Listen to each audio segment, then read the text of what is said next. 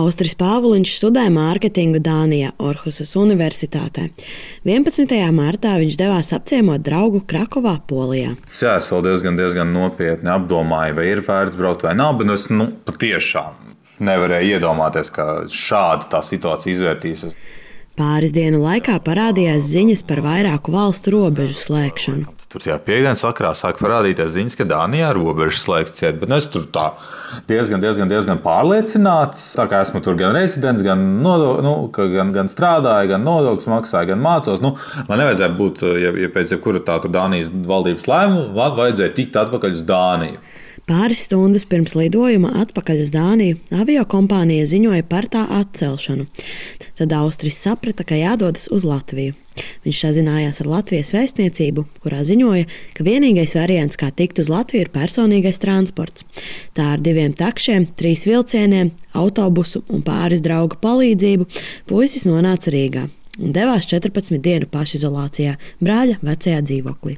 Karantīnas pirmā diena pūkstens ap astoņiem, astoņiem vakarā. Pirmajā dienā neko īsti neesmu izdarījis, jo, jo, jo, jo, jo sanāca diezgan garš tas ceļš un ar, tā, ar visiem satraukumiem, organizācijām. Es nesnācu pagulēt, plus mašīnā vajadzēja pieturēt pie sarunas draugu, lai gadījumā nekas, nekas neatgadās. Un tad, jā, tad, Sanāca tikai kādu pusstundu atlūst, braucot no Bauskas uz Rīgas ar autobusu. Bet, nu, jā, esmu izgulējies un atpūties. Un, nu, jāskatās, ko, ko tad nākamās 13 dienas eh, karantīnā man nesīs. Austris no mājas neiet ārā vispār, tāpēc sauc to par karantīnu. Turpmākās dienas viņš novēros savu veselību un attālināti mācīsies. Dānijā viņš strādāja restorānā, līdz ar to darbu nekavē. Viss ir slēgts. Esmu Latvijā ar, ar mugursomu, ar diviem džemperiem, trīs tēkrekliem, četrām zeķēm, četrām apakšbiksēm un nezinu, jau uz cik ilgu laiku. Jā, tad ļoti, ļoti, ļoti paveicās, ka tieši nesen arī brālis bija izvācies no sava, no sava dzīvokļa. Tad te vēl nu, kaut, kādas, kaut kādas lietas te vēl ir. Un, jā, tad guļ uz madracīša, un tad jā, man ik pa laikam, ik pa laikam ēdienu pieveta. Nepieciešamās preces pēc vajadzības Austrim piegādā brālis.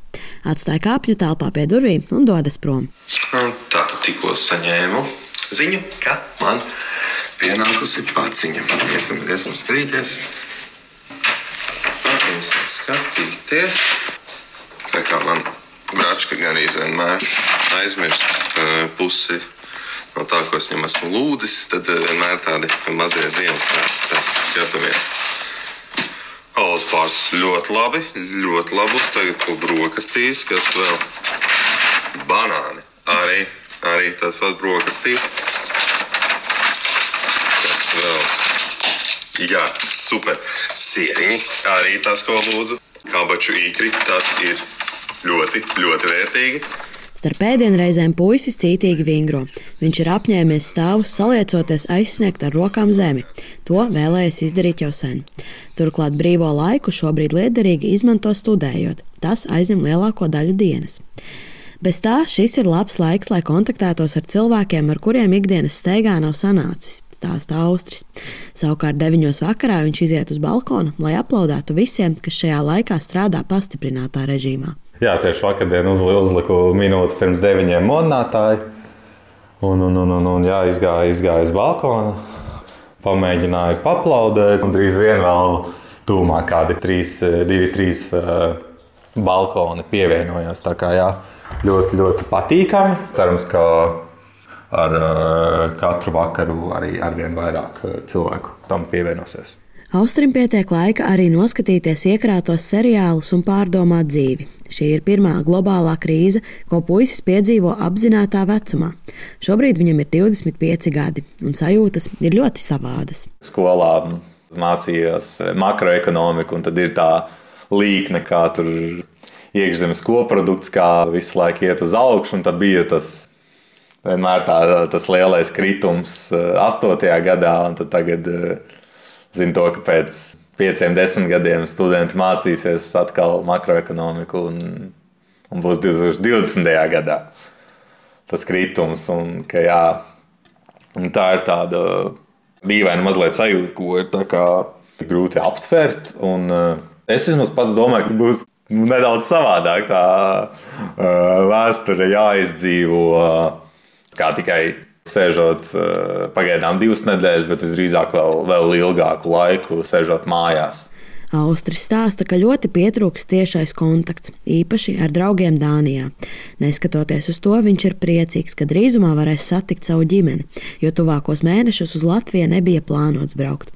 Viņš pašizolācijā arī guvis pāris vērtīgas atziņas, piemēram, to, ka nav vajadzīgas tik daudz lietas, cik parasti ikdienā izmantojam, gan apģērbs, gan dažādi priekšmeti, ko krājam savās dzīves vietās. Jā, es nejūtu nekādu vajadzību pēc vairāk, vairāk lietām.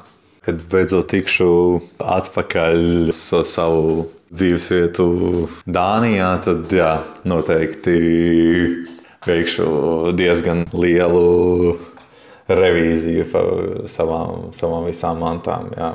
Šeit arī pēdējais ieraksts, ko Austris man sūta pēdējās pašizolācijas dienās. Joprojām diezgan, diezgan laimīgi, nekādu simptomu man nav parādījušies ne kakls sāp, ne jūtu temperatūru, ne kaut kāds bezspēks, nekas tāds. Par to esmu ļoti priecīgs, jā, jo, kā jau iepriekš minēju, ļoti gribās ģimeni satikt. Protams, tur nekādas bučošanās, apskaušanās un nekas tāds. Paula Dēvica speciāli Latvijas radio.